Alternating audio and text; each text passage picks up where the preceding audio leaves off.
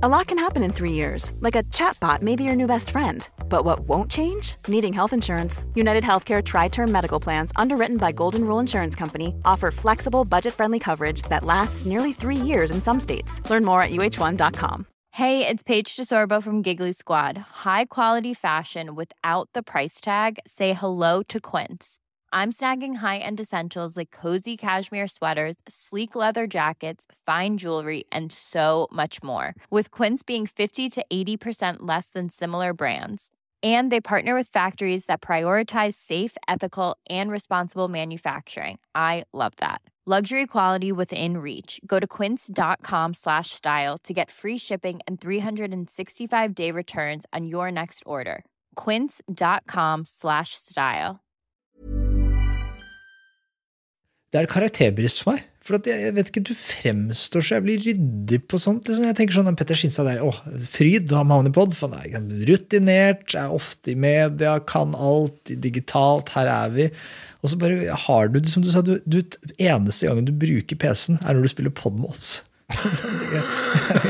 Helt, ja, det, det, stemmer det. Jeg gjør alle TV-intervjuer som ikke er gjort med TV2s opptaksutstyr, gjøres på mobiltelefon. Alle blogger på TV2 skrives på mobiltelefon. Alle mailer leses og skrives på mobiltelefon. Du skriver det på mobiltelefon?! Ja, ja. Du er jo seriøs journalist, er du ikke det? Tommel opp, tommel ned, ok, nei, ja. Men du skriver Nei. lange kommentarer og, i, for TV 2? Ja, ja, det tar meg kanskje et kvarter. Jeg bruker ikke noe sånn ordbok eller sånn. Stavkontroll.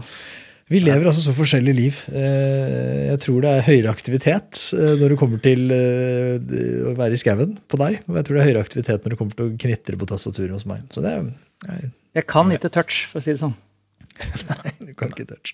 Men det er en glede å ha deg på igjen, Petter. Vi har jo savna deg. Vi har jo gått altfor lenge uten å ha deg på. og Folk kommenterer og skriver når kommer Petter Skinstad på, og når er dere skal snakke om ski og snakke om den nye sesongen. Og det har endelig. Nå sitter vi her. Endelig, omsider. Jeg rakk jo til starten, da. Men det har jeg bomma på i skirenn nå, så det, det, det er en første gang for alt. Ja, men Det er deilig. Er du, er du, eh, kan du ikke begynne der, da? Når du kikker ut av vinduet ditt, eh, så, så ser du det samme som det jeg ser. Åssen eh, er det med vinterhjertet til Petter Solning Skitte? Er det den gode, gamle Veitstølen-følelsen, eller er det liten dempe på den? Nei, altså, det kjennes jo ikke ut som det er skirenn og tid for skirenn før det er snø på bakken. Men at vi skal gå skirenn i november, er jo kanskje naturstridig i seg sjøl. Uh, og der var det nok også i 2010 og i 2000. Så, 100% så, Når det er sagt, da, hvis vi skal ta den diskusjonen først Jeg, Nei, var, jeg multe med på bare om du hadde liksom vintervibbene inne. Jeg, det var ikke, noe, var, ikke noe, var ikke, noe, klimadebatt jeg hadde tenkt å dra i gang. nei, nei ikke, liksom... ikke, klimadebatten. Jeg vil bare si det at jeg syns det er riktig at det arrangeres skirenn fra midten av november så fort sykkelsesongen og løpssesongen er slutt men det må være rene elitearrangement. Altså, vi må ikke skape en sånn kunstig greie om at bredden juniorløpere, barn og ungdom skal gå på ski i november. Det er det ikke forhold til. Men eliten kan gå noen renn på TV fordi det er viktig for sporten, viktig for inntekter, viktig for sponsorer. I november på oppspart snø, en liten runde på Beitostølen, det er helt topp. Men det er to forskjellige typer langrenn. Men hvorfor kan man ikke, Du sa til meg, Øystein, at hvorfor skyver man ikke bare? For det er jo snø. Vi gir oss jo i slutten av mars. Eller kanskje før det òg. Men det er jo snø et stykke ut i Oi, hva er det noe ulyd her fra deg, Petter. Er det ulyd fra meg? ja, nei, Jeg høres ut som om jeg blir truffet av eh, en sånn fluesverm. Jeg tror det er russerne som nå vet skjønner hvor du bærer, at vi kommer til å prate om dem, og det kommer ikke til å være en positiv fortegn. Jeg vet ikke. Jeg sitter helt i ro i huset mitt her, jeg. Okay, Det bare susa litt. Jeg vet ikke hva det er. Det, er, det susa veldig. Ja. Ok, men det ga, Nei, det jeg, det, jeg sa, eh, det jeg sa til Hans og Petter, var at jeg tror at langrennssporten eh, må ta en fot i bakken på å se om den vi har vært, står i veien for hvem vi kan bli. For nå har vi skirenn i november fordi det er det vi alltid har hatt. Og jeg snakker ikke om 2010, men det er, liksom sånn, det er jo det, det, er, det er, vi har pleid å ha det. Eh, men nå tror jeg kanskje tiden er moden for oss å vurdere å, å rev, relansere langrenn og begynne heller i desember, og så kan vi holde på til april. For i april er det jo både miljøvennlig å ha skirenn, og det er snø. Uh, mens i november så er det jo verken miljøvennlig eller snø. Uh, så Ja, og så tror jeg ikke at eh, langrennsløperne hadde daua av å ha den rolig mai istedenfor en rolig april. For det er ingen som tar en rolig april allikevel. Det har jeg sett. De går opp på Skarne og på Sjusjøen hele tida, hele gjengen. Så det, det, tror jeg bare er bra.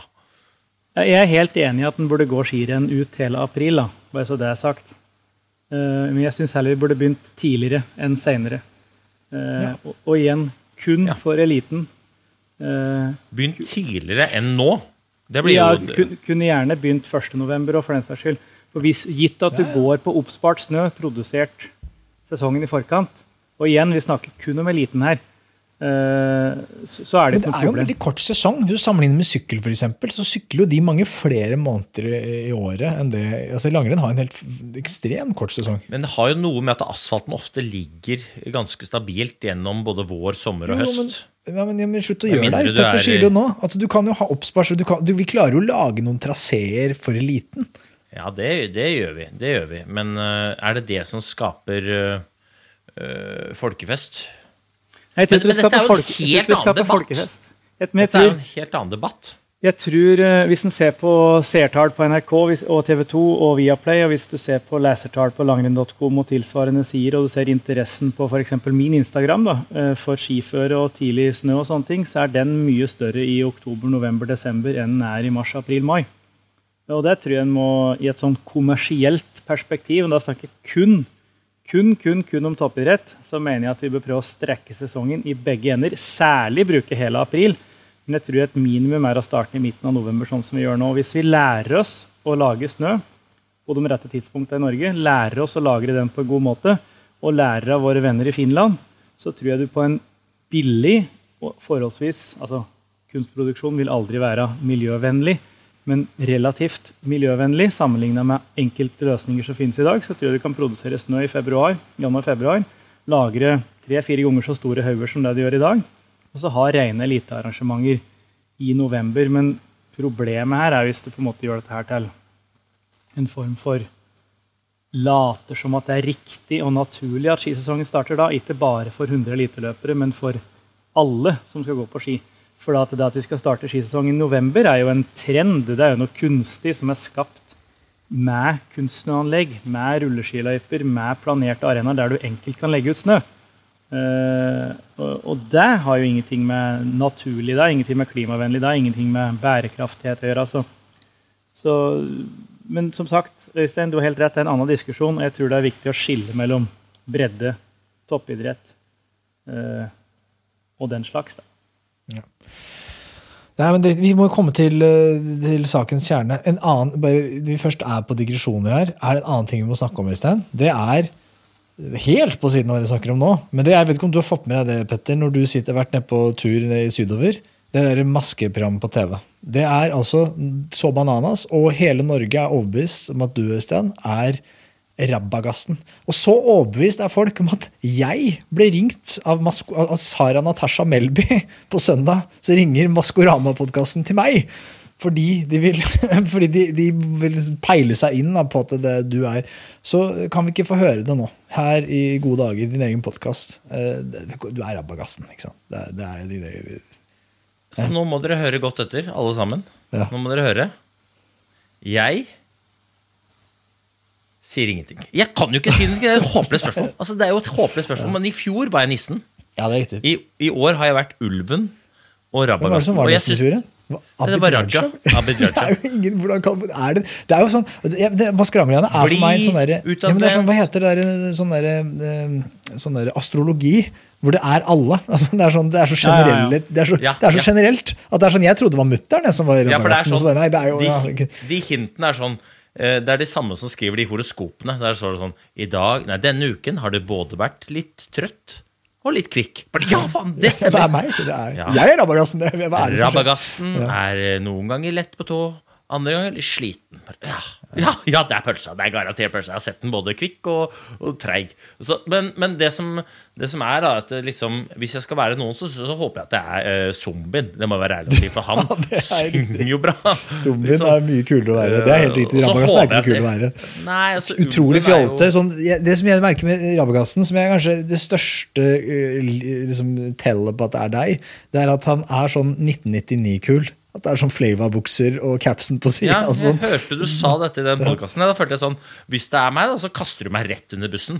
Hæ? Uh, ja, da, da kommer jeg til å dra noe sånn uh, sånn for Du har jo plassert deg selv under den bussen. Er er Taliban-referanse på deg. Du, jo, det med det der skjeggveksten og det håret der også, det er jo helt Altså, du er bare, du er bare litt, du er litt voks unna. Et skikkelig sånn Taliban-look. Så, så, så det Men eh, nei da, så, men, men jeg syns det var ålreit at du eh, var med, fikk, eh, fikk snike fram trynet ditt i podkasten til Maskorama, og at du kasta meg under bussen. Det, det får vi ta på julebordet. det noterer du deg. Det noterer, Det du okay. Noterer jeg meg. Ferdig, nå er vi ferdig med alle. Er ferdig med Du fikk ikke noe svar. Fikk, du, svar. du liker jo litt den spenningen her, så vi får se. da Det er vel finale til helgen, og så får vi følge med og se. Men, men altså, Beitostølen vet du, vet du, selv om jeg var på tur i går, det var farsdag, eh, det, det hadde kommet opp en ny sånn, jeg vet ikke hva det heter, men jeg kaller det for syre. Altså sånne små grønne blader, sånn trekløverblader som du kan spise, og som er sure. Eh, Det hadde begynt å vokse, det hadde begynt å gro igjen. Men selv om det, så tenkte jeg fy flate, nå gleder jeg meg til sesongåpning. Altså, få sett litt langrenn, ok, så kommer eh, Slinn i BH gående forbi, men det driter jeg i. Noen skal gå på ski, det er ikke meg, men jeg skal kose meg eh, foran eh, TV-en og se drømmer går i oppfyllelse, og sannsynligvis noen drømmer knuses allerede før første passering eh, av mål, så er noen drømmer og sesongen over. Jeg gleder meg altså så mye. Men, men Petter, du er jo vår mann på innsiden av dette sirkuset. Hva, hva rører seg? Det har vært, eh, så folk henger med her, så det har vært, allerede vært sesongåpning i Finland. eh, Og der var det en del nordmenn. Kan vi ikke, hvis vi starter med damene. Hvordan gikk det for damene i, i Finland? Først må jeg arrestere det der, da, for det irriterte meg hele helga at vi omtalte renna i Finland som sesongåpning. De åpna jo renna sesongen siden med renn helga før det. Så sesongåpning i Finland var det jo Vukati, med finsk cup, TV-sendt og greier. Min gode venn Heikki Korpela vesla først på stafetten der, og alt er bra. Ja, han var veldig fornøyd. Det var veldig bra, Heikki. Veldig, var- veldig bra, det eneste du kan ta ham på, er den der stygge dressen. Han må få Nei, jeg skal gi henne en ordentlig dress. Ass. Det kan ikke gå rundt i det greiene der. Også helt vanvittige reklameregler i Finland. der. De har så mye logoer på drakta. Det er eh, Over tissen har de Ja, reklame. ja, er altså, altså det, Tissen er sponsa, begge testikler er sponsa, rumpa er sponsa, ryggen er sponsa, underarmen er sponsa. Det er ikke en kroppsdel som ikke har en sponsor i Finland. Men, men uansett, da, så helga etter var det skirenn i Monio, og der var det flere nordmenn stort sett på start enn det var finner.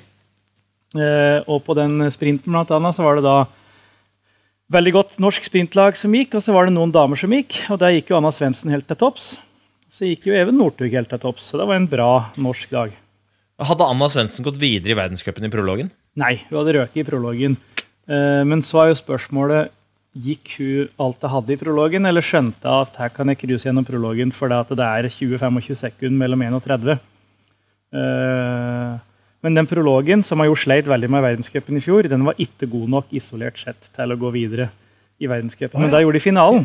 Der var derimot ganske så høyt nivå på. I hvert fall semifinale i verdenscupnivå. da. Ok, men, hva- hva- For det var liksom ingen Hvem var det vi savna på start her, som hadde Altså, Altså, ingen svensker? Nei, Altså, det var, ingen, det var ingen, ingen svensker svensker, ingen Amerikanere. amerikanere, eh, ingen uh, Fenrich var ikke ja, der. Fenrich var ikke der. Ingen norske lagvenninner var der. Uh, så, så det var et felt bestående stort sett av gode Ingen slovenske. Nei, heller ikke det. Går ikke de skiskyting bare om dagen? Jo, Jo, jo, går litt begge Ja, ja, det, nå er det vel litt litt, sånn begge Nå er de litt usikre, faktisk. Ja. Okay. Kommer han på første skyting. Mulig det blir byttet til langrenn underveis på andre okay. runden på første har du annonsert det? Altså, Vi snakker VM, også ja. om Lampic her. Lampic går VM. Okay. Det, er, det er jeg mer sikker på enn jeg er usikker på. Så Men går av VM i skiskyting? spørs om han kvaller, da. Jeg vet ikke hvor godt Ja, lag Slovenia har. Jeg er ikke jeg som er skiskytterekspert i TV 2. Det er det Petter. Northug som er. Ja, det, han, for, han vil jo aldri på pod. Han eh, kjører sin egen eh, Han er på B-laget, og kun det. Jeg veit at du hører på, Petter. Det er altså, vi er altså så såra! Ah! Men vi nyter godt av Soleng Skinstad. Det er bra. En bra reserve, Peter. Men den sprinten, i hvert fall. Anna Svendsen gikk veldig godt uh, i den finalen. Ordentlig ruskeføre, diagonal i utforbakka. Der passer hun helt utmerket. Uh, der løste hun på en god måte. Even Northug har vært helt sheriff på rulleski i sommer. Har lekt med sprintgutta på enkelte treningsøkter der og viste igjen at han er god. Skar nummer to i klassisk sprint. Didrik Tønseth plutselig sprinter fort. Eh, så Hvilken dette her Tønseth på? Nei, Han var jo nummer seks eller noe sånt i prologen der, og, og var vel i semifinalen til og med. og Det gikk og dro, og så det var spesielle forhold. Det er tidlig Ja, på sesongen. der tror jeg det kan tilskrives litt altså Når det er diagonalgang nedover, så tenker jeg at hvis det er noe føre Didrik Tønseth helst vil ha, så er det når det er løping nedover også. Det er jo, nærme, sånn- jo nærmere terrengløp det blir, jo, jo bedre er jo han i en klassisk sprint. Det skal sies. Men, men i hvert fall så var det liksom, oppløftende eh, resultater, da. Det skal man jo si. Selv Baptiste Grå hadde rynka på nesen over det føret der. Tenkt sånn eh, Richard Chouve og Baptiste Grå hadde sånn Jeg er nok bedre når det er litt høyere fart enn dette. Baptiste Grå hadde vært avhengig av trekkhund. Han er jo helt rå på Instagram. Altså, Jeg lurer på om det var jeg lurer på om det var Jennifer Aniston eller sånt, det som delte en sånn reel som Baptiste Grå hadde laga her. Som fikk helt sånn sjukt mye treff på Instagram. Sånn over en million. Ja, men de som hører, gå inn på baptist.gros på Instagram og sjekke ut en sånn video der han blir dratt av ei bikkje rundt en sving der. Det er, det er så mye views på han at, eh, at jeg blir jo varm om hjertet. er det, her, er det her bra for Baptist Grå, eller er det trist for uh, Jennifer? Nei, altså det, det sier jo litt at det er en stund siden Friends. Ja, Men hva sier du om Baptist Grå, da? Han er jo på stigende kurs, sjøl om det er lagt opp. Han må gi seg nå, liksom. Men, men Even Northug, Even Northug eh, har han tatt et steg, eller er det bare det at ikke Valnes og Klæbo og de franske og sånn er med? Altså er det, uh, altså, hva tror du om det? Nei, jeg kan med sikkerhet si at Even har tatt et steg. Uh, han er bedre trent, han har bedre kapasitet, og han har mer sjøltillit. Uh, alle som har gått uh, litt eh, sprint i verdenscup, som Øystein har gjort, tror jeg kan skrive under på at eh, får du gode resultater, så får du sjøltillit. Og i sprint så er det viktig med god sjøltillit for å tørre å ta plass i feltet. Ha sjøltillit nok til å gjøre de kloke valgene underveis i heata. Og der er eh, Even nå han var i en posisjon der han måtte slå seg inn før. Nå er han på innsida, og da kan han senke skuldrene litt og gjøre klokere valg. Og, og han har vært god på rulleski i, i, i sommer og er vel kanskje enda bedre på langrennsski enn er på rulleski. Så, så Even Northug han eh, er faktisk en outsider til å vinne sprintcupen sammenlagt hvis Klæbo står over litt renn her. Og han er også en medaljekandidat i VM. Det dette er bra. Vi er der, ja. Det er friskt å si. Men jeg liker det. Ja, det, Jeg liker det, jeg, tror det. Nå sliter Valnes meg litt grann her òg, så ja. Øh. Ja, for hva er greia? Det står at han er sånn rusk og kroppen har ikke helt fungert. Hva er, hvor, hvor alvorlig er det lille rusket? I sommer så slet han i hvert fall med ryggen. Eh, så om det er det som har blusset opp igjen, og det som er rusket det Jeg har ikke fått prate så mye, men Erik han sender veldig mye sånne rare, usaklige humorklipp på, på Instagram, så humøret er godt. Men formen er nok litt usikker, så jeg tror nok verken er han eller Klæbo vinner Ruka. Ja, det er alternativt det, da. Det kan ha bikka helt over. Ja. Men, men på jentesiden i sprint, da? Hva, hva, Kaspersen faller, Maiken har gitt seg. Eh, hva, hva, Anna Svendsen er kanskje god nok for semifinale Altså hvis vi er stygge, da. Kanskje holder det til å være i semifinale verdenscup. Har vi noen andre i, på, i norske laget? Eh, Ja, altså Vi har jo Mathilde Myhrvold, da, eh, klubben Dynami Vind idrettslag, som var på pallen i vinter. Riktignok i fravær av noen av de aller tøffeste svenske konkurrentene, men, men hun er en finaleløper i, eh, i eh, skøytesprint og har noe som egentlig ingen andre norske sprintjenter har, nemlig en god spurt. Eh, og det er viktig. Det er veldig veldig viktig. Når nivået blir høyere og tettere også i kvinnesprint, så er det kjempeviktig å ha en god spurt. Uh, der Maiken Falla gikk i front og styrte og egentlig sleit ut de andre på lik linje med Marit Bjørgen, gjorde at konkurrentene ikke orka å spurte. Eh, så er Mathilde typen som kan ligge bak, spare krefter og så spurte fort. Det tror jeg passer godt i, i moderne langrenn. Altså, hun er spennende. Så har jo Ane Stenseth et vanvittig fartspotensial. Altså, hvis hun har fått jobba litt med kapasiteten, så, så det er vel På sprint så blir det litt sånn status quo, egentlig. Altså, ja, Maiken vant i Drammen i fjor. Gikk ned med flagget til topps. Det var fantastisk moro. Vi hadde tårer i øya, alle som var der og så på. Det var veldig moro, men hun har jo slitt, egentlig. Eh, eller sleit jo de siste to-tre åra. Var mye opp og ned på resultatfronten. Fikk det ikke til i OL eh, like godt som hun skulle ønske seg, og, og hatt det helse som har hangla litt. Så i, sprint så er det på en måte ikke så veldig mye annerledes enn det har vært. Og så har vi Marie Hartz Melling som vant junior-VM. Vi har Kristin Fossnes som ser ut til å være i fin utvikling, som begge er på rekruttlaget. Amalie Os tok NM-sølv.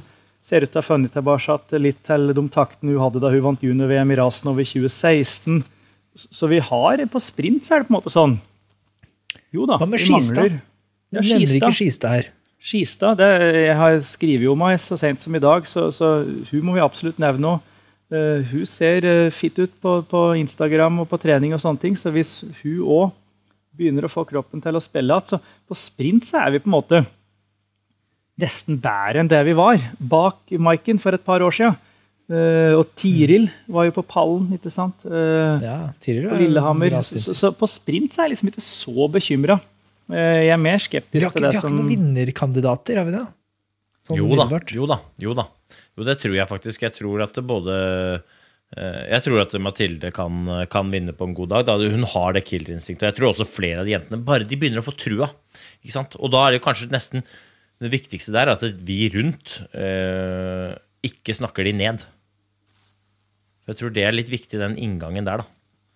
Altså de, jeg, for jeg tror de har jeg, jeg mener at de er gode nok på en god dag. Men de må ha både ski og, eh, og litt flyt, da. Men det har man jo når man er god nok. Jeg tror vi har ganske mange jenter som er gode nok til å være i finale i verdenscup. i hvert fall. Og kommer du til en finale i verdenscup, så kan det være litt sånn tilfeldigheter som gjør at en dag plutselig bare klaffer alt, og så er det noen som hekter litt i en sving, og så, og så er det noen som kjører en dårlig siste sving før oppløp, og så plutselig så er du bare der. Og, og med resultatet kommer sjøltilliten, og plutselig så er vi, er vi der. Jeg, jeg er mer bekymra for, for distanserenna, for at i, i distanse så er det mindre tilfeldigheter. og Det er på en måte mer sånn at du kan sette opp lista på forhånd på bakgrunn av hvem som er sterkest fysisk. Eh, så hvis en skal snakke om damer og distanse, så er Ja, la oss hoppe dit. Ta utgangspunkt i Finland. da. Hva skjedde der? Det var jo det var klassisk renn på, på lørdagen, var det ikke det? Ja, eh, det var klassisk renn på, på lørdag, og igjen så var det mye uh, tysk, det var mye finsk, det var mye altså Det var jo også Stadlober var jo der, men igjen så var altså Anna Svendsen høyt oppe. Uh, Silje Theodorsen var også høyt oppe, så de nordnorske jentene viste seg fram i Nord-Finland.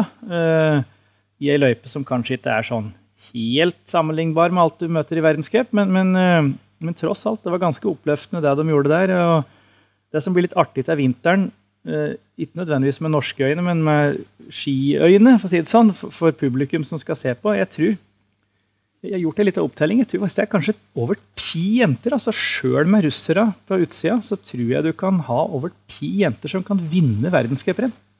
Mm, Det er gøy. Eh, Og flere av de er tyske. Flere er tyske. Det er jo eh, for alle som er glad i langrenn, og alle som savner Fissmann som hovedsponsor, Ja, og store ja. pengepremier i Tour de Ski og millioner av TV-serier fra Sør-Tyskland, så, så er det veldig veldig bra at Katarina Hennig, Victoria Carl og den gjengen der som jo vant teamsprinten i OL, tok sølv på stafetten, at de er for alvor tilbake, og at vi egentlig er kvitt de aller beste løperne, som gjør at nivået blir tettere. Det tror, jeg er, eh, det tror jeg er veldig veldig bra. Så det blir veldig veldig åpent. Siden nivået har blitt lavere? At det er det som har skjedd? Det blir tettere er jo en fin måte å si det på. Eller er det Ja, men Eh, så klart har det toppen lavere. jo har uten tvil blitt lavere. Ja, ja. Det er jo, det er jo ei terte med tidenes, um, tidenes dialekt som akkurat har gitt seg, da, og det er liksom det, Vi kan, vi må jo kalle en spader og spade og si at toppen går litt saktere i år enn i fjor. Enkelt og greit. Sånn er det bare. Ja, ja, altså det, det altså, eh, hva, er det Tina og Bettina som spør benekter du fakta. Og det er vel akkurat det som er tilfellet her. at Hvis du hevder at Therese Johaug og Marit Bjørgen ikke er bedre enn de som vinner vinne skirenn i vinter, da benekter du jo fakta. Men tror du Marit fortsatt er bedre? Nei, med pulk og en sju-åtte unger og en sånn pall med bøker bak pulken, så tror jeg nok hun hadde slitt med å ta verdenscuppoeng. Men, men Mar Ja, helt, helt seriøst, Hvis Marit hadde, Marit hadde stilt opp på Beitestølen hvilke, bare, bare nå banka rett fra New York, litt sår i låra sine, banka på start, klar for de gå. Hvilken plass hadde fått? Classic. ti klassisk, jeg tror ikke jeg hadde klart topp eh, 20. altså. Jeg tror ikke det. Jeg tror ikke jeg er i god nok form. Det er, det er, form er ferskvare, altså. Det er så ja. brutalt. og- Ah, topp ti, glatt. Ja. Topp ti? Ja, jeg tror Therese kunne vunnet verdenscuprenn i februar-mars hvis hun hadde begynt å trene igjen nå. Hvor mye har hun slippet seg ned? Jeg synes jeg ser henne jogge rundt hele tida. Ja. Ja, alt er relativt, tror jeg. Jeg tror hun sjøl føler at det er i elendig form. Mens alle andre som trener meg, tenker 'herregud, så god form du er i'. Trener bare 700-800 timer, hun nå. Ja. Det er jo Hun hun går bak Karstein og ikke foran Karstein Johaug på fellestreninger nå. Det er digg for Karstein, da. Det er Kjempedigg digg for Karstein. Endelig får gå først. Men, men en annen som, eh, som har vært ute, men som skal tilbake, er jo Ingvild. Altså, jeg er altså så spent på Ingvild. Um, Hva sier rapportene? Nei, altså Pål Gunnar Mikkelsplass er jo en mann av få ord, og han eh, sier jo at Ingvild er i vanvittig god form. Eh, Og at eh, testa er bra, og at hun er lovende. Og han sier ikke noe sånt. Eh, det er ingen hallingdøler som på en måte drar til i riksmedia utover Hellbillies. Eh, så han, eh, han tror jeg ikke tør å si det hvis ikke han ser på trening at Ingvild virkelig er på gang. altså. Eh, Så Ingvild er en løper som kan vinne skirenn til vinteren. En av den eh, det dusinet da, som kan vinne verdenscuprenn, som kan vinne VM-gull. Og uh, sist hun på en måte var med for fullt, i 2019, så gikk hun fem renn i VM i C-felt og tok fem medaljer. Ja, altså Toppnivået til Ingvild er jo, er jo og Hun gikk jo, Var det ett i fjor hun gikk ett renn, som også ble nummer åtte eller sånn? Bare helt ut av Ja, kom Ja, hun, gikk, hun fikk gå først på Lillehammer, var det vel. Og så fikk hun være med videre til Davos. Eh, Så hun gikk vel sånn to-tre helger der da, på rad og hadde sånn jevn stigning. Og da var hun jo nummer åtte i Davos. Og stryk du Therese der, så var hun ikke langt bak vinneren. også. Nei. Nei. Men hvor, hvor bra må Ingvild gå altså, for å få gå verdenscup i, i Kusamo? For det er jo det som er På Beitone, så er det jo hard kamp om få plasser. Eh, Jeg er veldig, veldig veldig, veldig opptatt. Jeg skrev en, eh, en kommentar fra TV 2 i dag om det samme. Jeg er ekstremt opptatt av at er det ett år og én sesong Norges Skiforbund for all del ikke har råd til å bare prioritere egne landslagsløpere og gjøre forhåndsuttak på forhåndsuttak på forhåndsuttak basert på gamle resultater, så er det i år. De kan ikke prioritere løpere på landslag framfor andre i år hvis de andre faktisk er bedre. Ingvild er ikke på landslaget. Hun har per def ingen friplass til Ruka. Men hvis hun allerede nå går inn og paller på Beitostølen, så er det jo bare å få sendt ut av Finland så fort som overhodet mulig. Gutte- og jentesida, eller? mm, Bare damesida. Bare Ja, okay. damesida. ja. Det er vesensforskjell. Ja, det det ja, hvorfor er det en vesensforskjell? Er dette dreier det seg om at eh, de beste må få muligheten til å legge opp formtoppen sin til mesterskap når de eh, gjelder? Ja, på, på herresida så er herrelandslaget betydelig bedre enn alle andre mannlige skiløpere i hele Norge. Og der er det så stor kamp internt at det er viktig å la de som kan vinne medalja, få beskjed om det tidlig til å kunne forberede seg til VM. På damesida derimot så er det ikke sikkert noen som er på landslaget. Omtrent er de som skal gå VM-øvelser. Vi vet ikke hvordan ståa er. Altså Det kan hende Astrid Øyreslind, Kari Øyreslind, Magnus Meås, Kristine Fossnes, Marie Hartz Melling, Amalie Os, eh, Hedda Østberg Amundsen ja. Det kan hende alle dem er bedre. Katrine Harsem. Det kan hende alle disse her er bedre enn jentene som er på landslaget i dag. Det vet vi ikke. Der må vi nå bruke åpningshelga på Beitostølen. Det er ti pluss to plasser på worldcupen på Lillehammer, og det er ti pluss to plasser på verdenscupen på Beitostølen. Det er så viktig at flest mulig norske jenter får gått verdenscup der, sånn at de faktisk kan begynne å se konturer. ok, Hvem er det som skal til Tour de Ski? Også dit kan vi sende en stor tropp. Og så kan begynne å danne på en måte et bilde av hvem som skal gå VM til slutt. For vi kan ikke bare si nei, Tiril Lotta Weng må gå. For det de har gått før. Helene Marie Fossvold må få tid til å gå tilbake. Hun kan få tid til å utvikle seg også i Norgescupen og i Skandinavisk cup hvis det er riktig for hun. Vi må sende dem som er best. Spiller ingen rolle om Ragnhild Haga har OL-gull fra 2018. Nå er det 2022. Hvis hun ikke er god nok til å være på landslaget, så må noen andre få gå verdenscup. For vi har ikke tid til å på en måte la damer som beviselig ikke er i nærheten av å ta medalje, gå seg i form. Vi må faktisk tørre å prioritere. This is Paige, the co-host of Giggly Squad, and I want to tell you about a company that I've been loving, Olive and June. Olive and June gives you everything that you need for a salon quality manicure in one box. And if you break it down, it really comes out to $2 a manicure, which is absolutely insane. It's also so easy to get salon worthy nails at home with Olive and June. The difference between how your nails used to look when you did them yourself and now with the Manny system is a complete game changer. The best thing about Olive and June too is it's a quick dry, dries in about one minute, lasts for five days, and full coverage in up to one to two coats. Visit oliveandjune.com slash perfectmanny20 for 20% off your first system. That's oliveandjune.com slash perfectmanny20 for 20% off your first system. There's never been a faster or easier way to start your weight loss journey than with PlushCare. PlushCare accepts most insurance plans and gives you online access to board-certified physicians who can prescribe FDA-approved weight loss medications like Wigovi and Zepbound for those who qualify. Take charge of your health and speak with a board-certified physician about a weight loss plan that's right for you. Get started today at plushcare.com slash weight loss. That's plushcare.com slash weight loss. plushcare.com slash weightloss. Opplever du at alle kommer inn altså Det er kjempespennende. Dette her, opplever du at alle eh, damene, både på landslag og utenfor landslag, kommer i topp shape eh, til Beito fordi de veit at det her gjelder? Jeg har jo aldri sett Astrid Øyre Slind skøyte så mye, i hvert fall de siste fem åra, som det har plutselig gjort nå.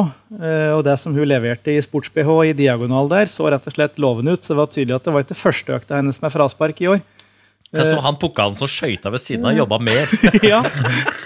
Så, så jeg, jeg tror nok, om det er Harsem eller et par-tre blad Øyre Slind, Smeås, eh, hvem det måtte være, jeg tror det er mange jenter på utsida av landslaget som kanskje har følt seg litt forbigått noen år nå, som virkelig ser at ai, ai, ai, ai, ai, her er det muligheter. De knuste, altså Astrid Øreslin hun hadde kunne gått med trehjul og vunnet toppidrettsveka. Hun, hadde- altså, hun hadde gått rett ifra dem med tyngre hjul. Katrine Harsheim gikk rundt landslaget og rekruttlandslaget på Holmenkollen skishow. Og kom ikke her og si at Katrine Harsheim er i form på Holmenkollen skishow. Hvorfor skulle hun være der? Det er jo kjempelenge til vinteren. Så vi har altså så mange jenter, også over 30 år, som er så vanvittig gode, og som har vært med i gamet lenge, og har sett Bjørgen og Østberg og Weng og Haga og Urinalt Jacobsen, og jenter som hele tida har vært bitte litt bedre enn dem, fått sjanse på sjanse på sjanse, og fylt opp premieskapet med medaljer og pokaler. Nå har de endelig muligheten, og det er så viktig. Det er så viktig i år. Jeg gleder meg allerede. Du, du selger Beitostølen, vet du. Du selger det. Jeg, Det er verdens viktigste skirenn. kanskje Ella begynner å satse igjen, hun nå. vet du. Tenker at nei, faen heller. Jeg, jeg tror Siri Halle gjør comeback i sprint. Ja, det er jo en nydelig dame. Shout-out til Siri Halle. Du nevnte noen navn der. Herlig. Heidi Ja. Weng eh, og eh, La oss Heidi Weng først. Eh, Ja. hun har vært litt sånn Det heter covid og sånn. Altså, covid satt henne litt sånn mentalt kanskje ut av spill, virker det som. Er hun liksom tilbake, eller er hun fortsatt litt sånn Ja, også så fort jeg var frisk fra covid omtrent, altså datt jeg jo på isen og slo huet og fikk en hjernerystelse som satt i lenge òg. Så Heidi har vært utrolig uheldig. Altså, så er det ei jente under at kroppen og huet og humøret og alt bare begynner å spille nå. Eh, Så er det virkelig Heidi, altså, for hun har ikke gjort noe annet enn det jeg har fått beskjed om. altså, hun har vært superforsiktig for å unngå covid. For covid. Altså, hun gikk jo med briller for å unngå å få covid. Altså, og fikk det likevel, ikke sant? Så, ja, altså, hun så ut som hun var med Breaking Bad ikke sant, på pressekonferansen. Ja, nå leverer du så bra. Og likevel så fælt har covid. Og, og, og det er på en måte det, Jeg syns så synd på hun, men hun har vært med brutter'n og gjengen på elgjufsintervaller i Hafjell og opp Hornsjøveggen. Og hun begynner å se sharp ut. altså Det deles ut kjeideng over en lav sko. Så jeg tror Heidi er litt på gang igjen. Og vi trenger Heidi Weng. altså. Vi trenger Heidi Weng, vi trenger vi Ingen. Østberg. Og jeg håper så inderlig at Ragnhild Haga også får litt fart på skia. Og jeg Ragnhild Glørsen Haga. Ra ja, ikke sant? Ragnhild Glørsen Haga. Det må jo være en fordel å få inn det navnet i, i, på, en måte på resultatlista, tenker jeg. Ja. Jeg ser på meg at det er kanskje mest stas for Ann Glørsen. Ja, Særlig Ann. Mor. Mor Glørsen, tenker Ja. jeg. det er liksom eh, Men det er også litt ålreit for Ragnhild, for at da er det jo husfred. Ja. Når svigermor er happy, så er Ragnhild happy. Ja. Sånn er det. Sånn er det med den saken. Og så har vi jo ei som heter Kari Øyre Slind, som datt ned fra en klatrevegg. Altså det, det blir jo nesten litt sånn, Du vet ikke de skal flire eller gråte for norsk kvinnelangrenn. Én ting er at Johaug har gitt seg, Bjørgen har gitt seg, men på en måte her får ei med dykkerbriller, covid gjennom øra, kanskje, da, for det var eneste som ikke var dekket til, så detter ei ned fra en klatrevegg, og så er det ei som ikke får lov til å gå skirenn. Det er jo, er jo litt Ja, for jeg, jeg sitter og hører når du sier det. Det var jævlig synd at vi lagde den derre Verdens beste skijenter i en sesong hvor liksom det var ikke noe Jeg er så vant de. ja, En gang hadde vi veldig dårlig, da ble vi nummer to, liksom. Men det var dette året her vi skulle laget verdens uh, skijenter. Ikke nødvendigvis beste, men det, det skjer i hvert fall noe. Da detter de og herrer og briller og Det hadde vært veldig mye gøy. Jeg hadde sett det som uh, coveret på Erling Los tatt av kvinnen. ja, det er mye som har skjedd. ikke sant? Så det er, det er mange stories her. Det er mye sånn Hollywood moments og mange som kan komme tilbake her. Men på kvinnesiden, det har jo denne, denne, rapporten som kom, den har jo ikke vi snakka om her uh, i poden vår. Men hva, hva, liksom, hva, har det gjort med det er, Den er jo ganske sånn krass mot de som er de beste i dag. da. Den sier jo på en måte at dere har mislykkes liksom, som generasjon. Dere har faen ikke fulgt, fulgt opp. Vi hadde, vi hadde, de beste, og så kommer dere som en sånn medioker generasjon. Det er ganske sånn hardt i fleisen til de, de som vi nå sender av gårde og håper at skal vinne medaljer for oss. Ja, altså, jeg føler jo på mange måter at den kritikken kanskje har blitt oppfatta litt feil. Da. For kritikken er jo egentlig mot klubb, krets, regioner og Norges Skiforbund generelt. Altså hvordan vi har på en måte bygd opp satsinga rundt damer. Det vi har gjort, har vært feilslått. Hva trengs for at damen skal bli god? De trekker bl.a. fram at det er mange som trener heller for mye enn for lite. Så det står egentlig ikke på innsatsen hos en del. Eh, ja, og det er vel eh, Altså, det er jo Benekter du fakta, holdt jeg på å si, moment? da, for Én ting er jo innsatsen, en annen ting er jo eh, Vi har jo mange bevis på at det er sinnssykt mange ressurssterke jenter som har kjørt seg selv og egen helse i grøfta. Ja, ikke sant? Dessverre. Så det er jo, ressursene er jo helt fantastiske. Jeg tenker jo at damene våre er jo Med fare for å tråkke på min egen rase, eller mitt eget kjønn, så er jo damene er nok hardere i huet enn en gutta. Ja, det er akkurat det de er. Og de er så utrolig pliktoppfyllende av natur. Uh, som gjør at de legger ned en helt vanvittig innsats. Så jeg, jeg tror på en måte vi må vi må ta hva skal si, Jeg føler vi må ta et steg tilbake. Både løpere og ledere og publikum og media, som jeg og for sett og vis dere representerer, vi må klare på en måte ta et steg tilbake og se litt sånn OK, hvor er vi, og hvor vil vi? Og åssen skal vi komme oss dit? For det som vi har gjort med de nest beste nå, parallelt med at vi har hatt verdens beste damelag, det har ikke fungert.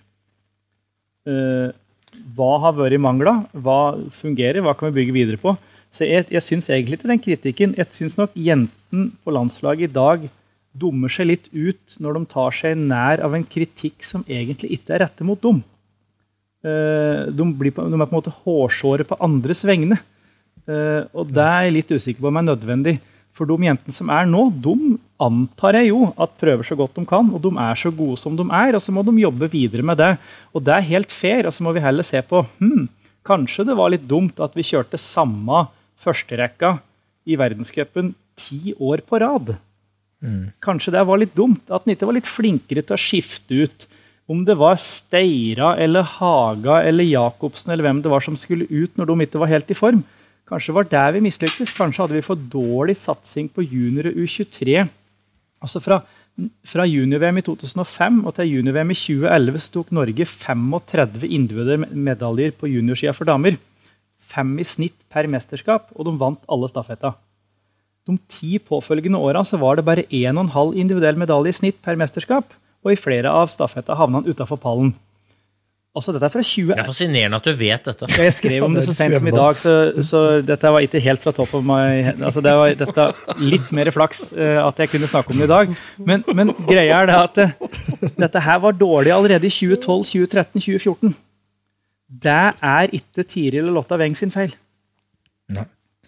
Altså, for da var de 14 år. Vi må snakke om herrene òg. Vi må snakke om herrene. Jeg skal jo snart, jeg må snart eh, legge meg, så nå må vi snakke om guttene. For ja. det var så spennende at jeg, bare, jeg, får bare kjøre inn til jobb i morgen. Jeg må bare beklage til arbeidsgiver i morgen. Jeg kommer med ringer under øya. Det er Petter Soleng Skinsa sin skyld. Ja, men... uh, uh, men har ikke du fått Tesla? Boys. Kan du kjøre til den sjøl? Hun kjører sjøl. Har du sett akkurat det siste sånn, sånn video på Dagbladet eller BG eller hvor det var oppe og kjøre på en fyr som var ute og sykla? Er du gæren? Det er ingen som sykler når det er for kaldt. Og dessuten, jeg har ikke fått Tesla. Så hvorfor tror du jeg skal på jobb, da? Nei, kjøpt Tesla.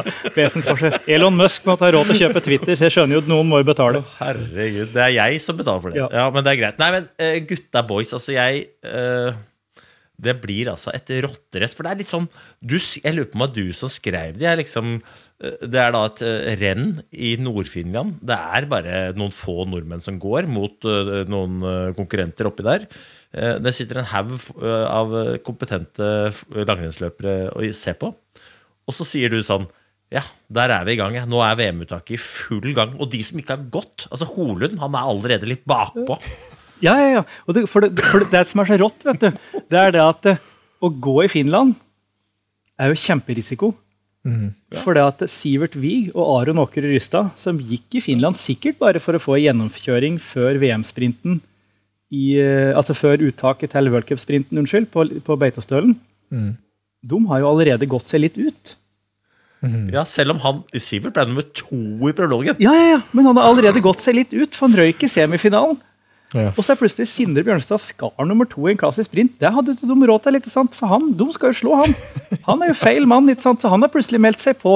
Og, og, og Pål Trøan Aune, en annen høyaktuell kandidat, kandidat, kjempesmart at han ikke gikk i Finland, hadde jo alt å tape på å gå der, så fremt han ikke hadde vunnet. Så han har nå bare masse da hadde han jo vært allerede i Kusa. ja, ja, så han hadde masse gode rulleskiresultater og kan hvile på det. Så det, det er, altså, dette kjøret er helt i gang. Krüger vinner klassisk. Hvor kom den fra, liksom? Altså, det var jo Ja, Og hvordan blir det da på skaten på Beitostølen? tenkte jeg. Det var det første jeg sa til Hanso. Når Krüger vinner ti klassisk, da er det greit han står over skaten i Munio, tror jeg. ja, altså, det er en fordel at det bare er ti klassisk eh, på, det er ti skate på Beito for resten av konkurrentene sin eh, skyld, tenker jeg da. Ja. Men det er mye svinger da i Munio, det skal sies.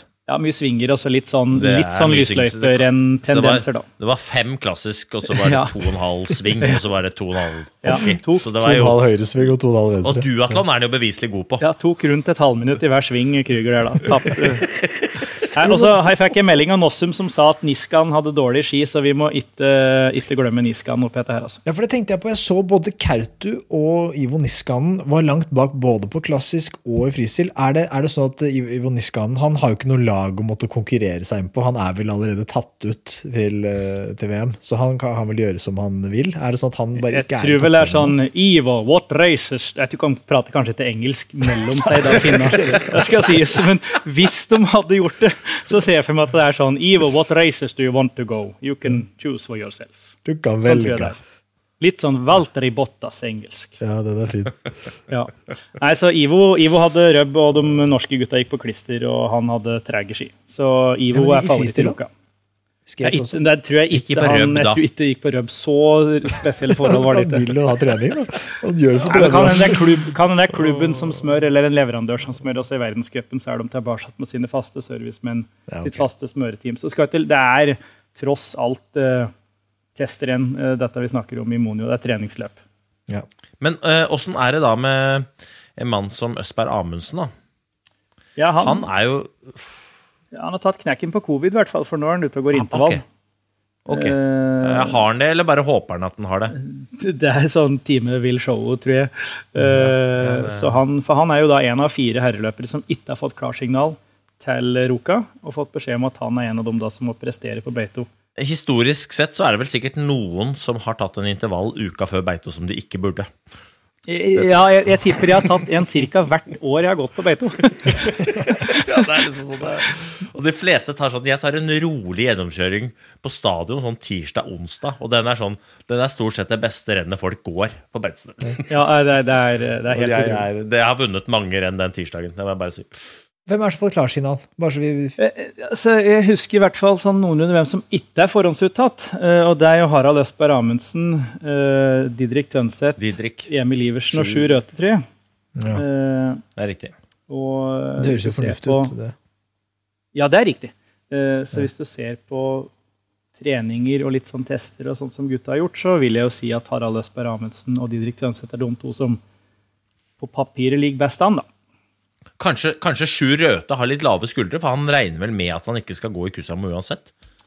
Ja, og Altså det kanskje, Han tenker litt lenger. Han tenker, eh, han tenker eh, Lillehammer, Beitestølen, Davos, og at han på en måte senker skuldrene litt ned og kanskje får en fin, eh, fin reise inn i den helga?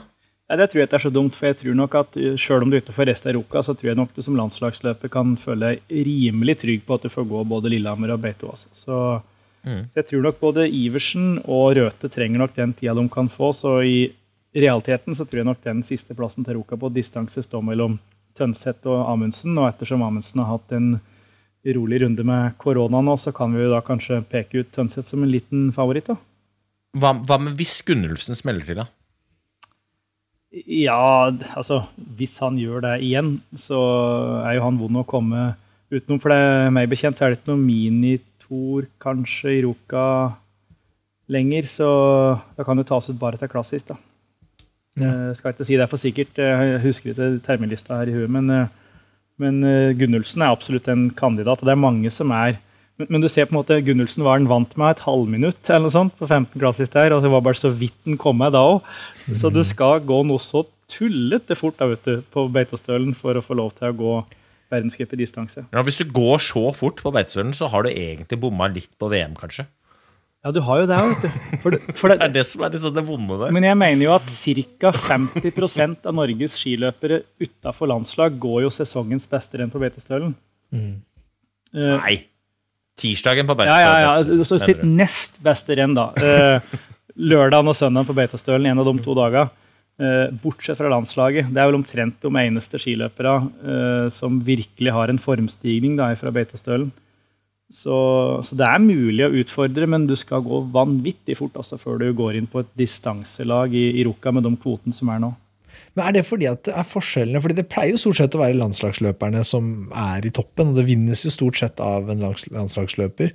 Er det, er det at forskjellen er så stor? Hvis kommer, altså hvis Holund og Krüger kommer på 70 inn i Beito, mens resten av utenfor landslaget er på 100% så sier jo det litt om nivåforskjellen her, gjør det ikke det?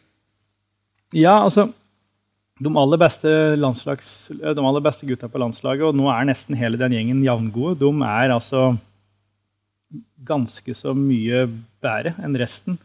Eh, De har tilgang på det beste utstyret, de har det beste treningsmiljøet, de har det beste smøreteamet. Eh, Og, du, og de er også de største talentene, kanskje. Så legger du disse brikka der oppå hverandre, så får du et litt høyere tårn enn resten.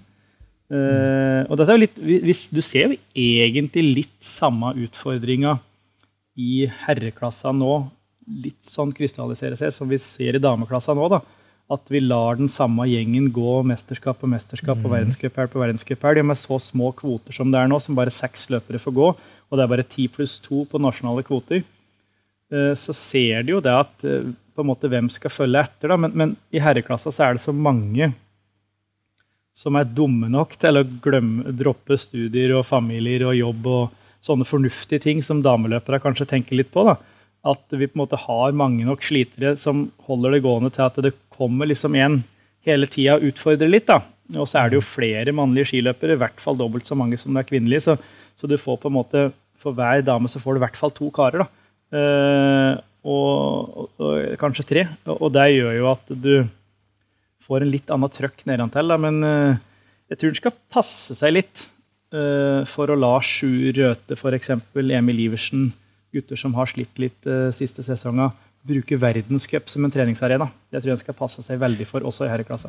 Det, det tror jeg ikke den kommer til å gjøre i år. Jeg håper ikke det.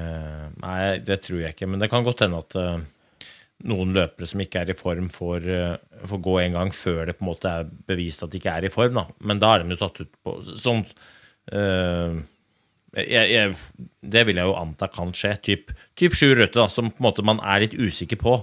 Han vil jo få sjansen i en verdenscup, selv om han kanskje ikke er kvalifisert gjennom eh, noe renn på Beitostølen. Ja, sier- Nå håper jeg at han går fort, det er ikke det jeg sier, men sånn, si at han går dårlig, da, så vil han jo få sjanse. Ja, ja, og jeg, og jeg, Så hvis han beviser en gang eller to at han er dårlig, da ja, jeg er veldig, veldig, veldig for forhåndsuttak av landslagsløpere. Da. På generelt grunnlag så er jeg ekstremt for at når du tar ut et landslag i april-mai og bruker ca. 1 mil per hue fram til sesongstart, så må du teste om du tok ut rette laget. Eh, men jeg syns Skiforbundet har vært så fæle til å strekke den, ikke bare til Ruka. Ikke bare til Lillehammer, ikke bare til Davos, men du drar dem inn i Tour de Ski. Og til slutt har du plutselig brukt opp alle muligheter til å la unge fremadstormende løpere, eller de som er akkurat på utsida, få prøve seg da, og vise seg fram. Der har landslaget vært for dårlig med at de skal gå de første helgene, og så eventuelt vise at ai, ai, her er ikke formen god nok. Du må gå skandinavisk cup, du må gå norgescup, gå et langløp, gjør hva du vil. Nå må noen andre få prøve sjansen. Nå må vi la Gunnulfsen, nå må vi la Stenshagen, nå må vi la Ole Jørgen Bruvoll eller Magne Haga eller hvem det måtte være. Nå må noen andre få prøve seg. Det er utrolig viktig. Ja, det, er altså, det blir altså så gøy nå, da, for det er altså som du sier, det, den der bredden er liksom bare helt uh, tullete. Men samtidig, så, så du sier jo også, de gutta boys som er på det laget der nå, fy flate for et nivå, ass.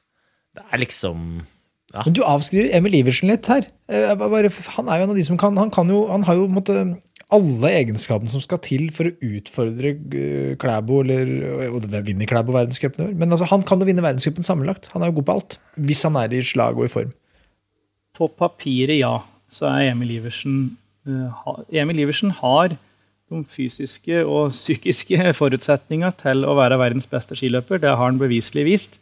Men det begynner dessverre å bli eh, litt for lenge siden han viste det. Altså Sist han var i en form som skulle tilsi at han kunne vinne noe som helst, var vel rundt VM i Oberstdorf i 2021. Da redda han egentlig Norge med ei helt vanvittig stafettetappe. Han ble verdensmester på femmil etter litt, eh, litt klabb og babb på oppløpet der. Eh, Da var Emil Iversen vanvittig god. Nå har ikke han, verken i sesongen som var, eller på trening og rulleskirenn eh, så langt i år, vist noe som tyder på at han er soleklar i en seksmannstropp i verdenscupen, og i hvert fall ikke soleklar i et firemannslag på en enkelt VM-øvelse. Ja. Jeg føler sånn rulleski han, han, han er av den uh, sorten som ikke Han er best når det gjelder. Da. Han er best med skia på beina og snø under føtta. Og, eh, jeg tror ikke man skal avskrive han. Det er bare Og, og, og, og, litt sånn brannfakkel og mm, Jeg tror kommersielt ja. Ja, er veldig bra for Norge at Emil Iversen er oppe i ringa, for å si det sånn. Ja, og Eh, Emil Iversen er utrolig mye bedre kommersielt når han er i form. 100%. For hvis han- Det er vel alle. Det er alle. Ja, men Bortsett fra kanskje Northug, så er alle det. Særlig Emil Iversen er jo så mye kvikkere i replikken, så mye artigere, så mye kulere når han er i form, enn når han er usikker på formen og begynner å slenge med leppa for at Maren Lundby er med på, er med på Skal vi danse og skyter fra hofta med avsagd hagle. ikke sant? Altså det, så vi trenger Emil Iversen. Jeg håper på Emil Iversen, men jeg tror ikke han har fysikk nok til å prege internasjonal langrenn før jul i år. Ja. Et siste navn, et siste navn eh, som vi ikke har snakka om. Finn Hågen Krogh. Ser vi han Ja, han gikk jo i topp igjen? Eller er han passé?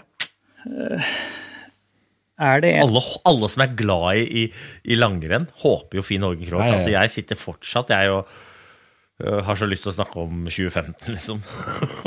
Ja, jeg, jeg, 2017 og ja, ikke minst herregud, få det på. 2017. Jeg tror ikke vi har sett det siste lille sånn ah, Gutten har det fortsatt. Jeg tror vi får se én eller to sånne til. Men det er, Finn er helt avhengig av at det kommer på rett tidspunkt for at det skal lede til noe. Det er kjempekjedelig hvis det skjer i et norgescuprenn i mars.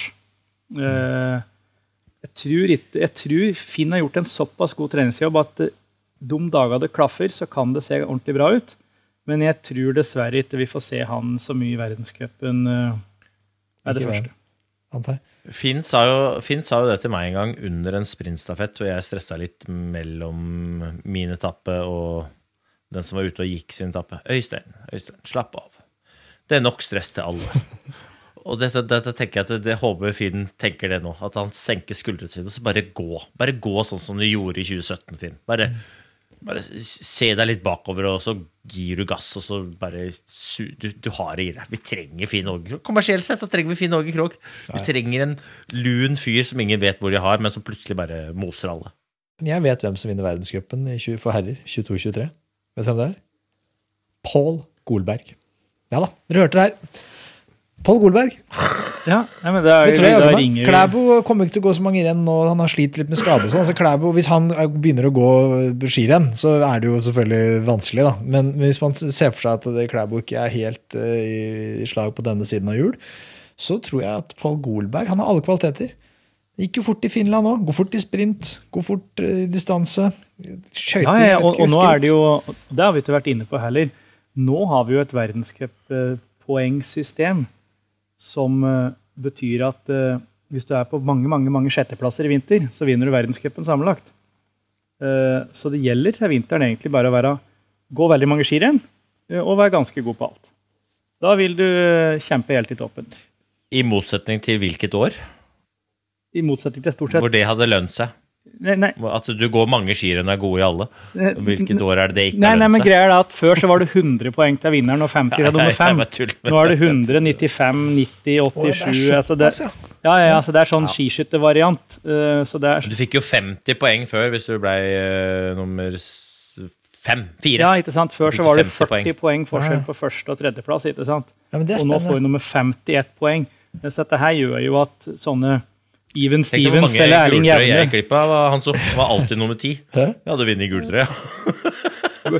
burde egentlig få etterkjent. Burde egentlig få etterkjent.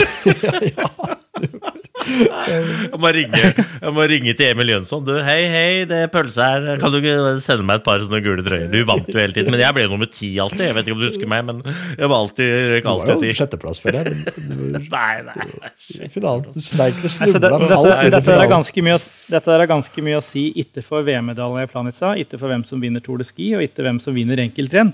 Men det er veldig mye å si for åssen sluttresultatet kommer til å se ut. Så løpere som prioriterer trening inn mot VM, som er utlada etter mesterskap, løpere som står over Tour de Ski, eh, de vil straffes enda hardere. Så det er liksom laga et system som belønner å være med ofte. Det belønner å være stabil. Eh, og så er det jo også en del sånne nasjoner som baserer mye uttak og satsing og fordeling av midler på at løpere på verdenscuppoeng. Og det skal òg lønne seg for mindre nasjoner. Da. Men tenk deg den festen, da.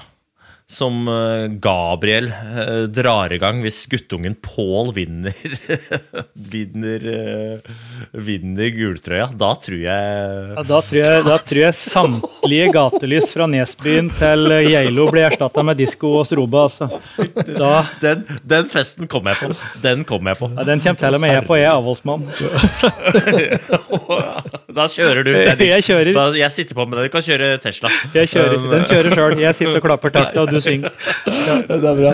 Boys, vi får, vi får Oi, gi oss der, men vi må, vi må, kanskje vi burde hatt en ny, ny pust i bakken neste uke. For å, for å, vi må jo snakke litt, vi har ikke snakket om noe om det internasjonale her, men det, det får vi ta. Eh, Først nå er det Norge som gjelder. Det er Beito som gjelder. Jeg gleder meg. Det er årets høydepunkt. Dette er, jeg ser, dette er nesten sidestilt med mesterskap. Bare ett spørsmål de ikke har fått svar på, Petter. Skal du gå? Nei, dessverre. Jeg har gått på Beitostølen siden jeg var eh, junior. Eh, og Beitostølen er på en måte Da starter skisesongen, men i år så har jeg rett og slett hatt for mye sykdom og drit tidlig i oppkjøringa til at jeg har Du prioritert. veit hva dette er for noe, Hanso? Jeg, eh, Det er Soleng Skinstad som er rabagassen. vet ja, det. Jeg, jeg, jeg har jo vært i Syden. Det var en måned i Syden. Ja, ja, ja. Men, men det skal sies, da. Det er har knep. Det der å kjøre Instagram Det der å ha akkurat nok Instagram-content og kunne droppe ut Ulven er Petter Northug, og så rabagassen er Petter. Det hadde jeg ikke trodd. Det der er kjempegøy, Skinstad. Jeg er faktisk første menneske tror jeg, i verdenshistorien som har vært én måned sammenhengende i Syden uten å få noe farge som helst. Som skulle tro jeg hadde på meg sånn Maskorama-drakt. Nei, nå gir vi oss. virus der. Åh, da fikk vi avslørt både ulven og rabagassen. Ja, men Da er det bare opp til Bilal å synge så godt han kan inn i zombies der. Og så får alle som går på beitestølen, ikke brenne alt kruttet i dag når dere hører podkasten. For det er ikke nå det gjelder. Med de visdomsordene sier vi oss. Vi snakkes, boys. Det er alltid en glede. Hoi, hoi. Vi snakkes. Ha det bra.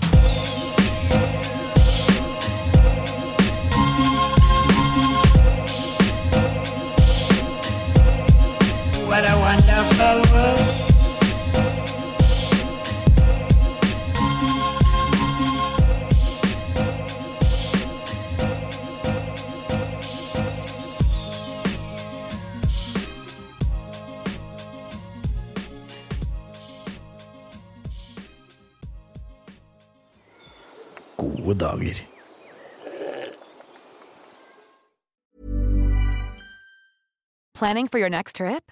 Elevate your travel style with Quince. Quince has all the jet setting essentials you'll want for your next getaway, like European linen, premium luggage options, buttery soft Italian leather bags, and so much more. And is all priced at 50 to 80% less than similar brands. Plus, Quince only works with factories that use safe and ethical manufacturing practices. Pack your bags with high-quality essentials you'll be wearing for vacations to come with Quince. Go to quince.com slash pack for free shipping and 365-day returns. This message comes from BOF sponsor eBay. You'll know real when you get it. It'll say eBay Authenticity Guarantee. And you'll feel it. Maybe it's a head turning handbag, a watch that says it all, jewelry that makes you look like the gem, or sneakers and streetwear so fresh every step feels fly. eBay gets it. So look for the blue check mark next to that thing you love and be confident that every inch, stitch, sole, and logo is checked by experts.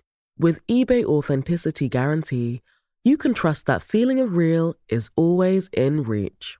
Ensure your next purchase is the real deal. Visit eBay.com for terms.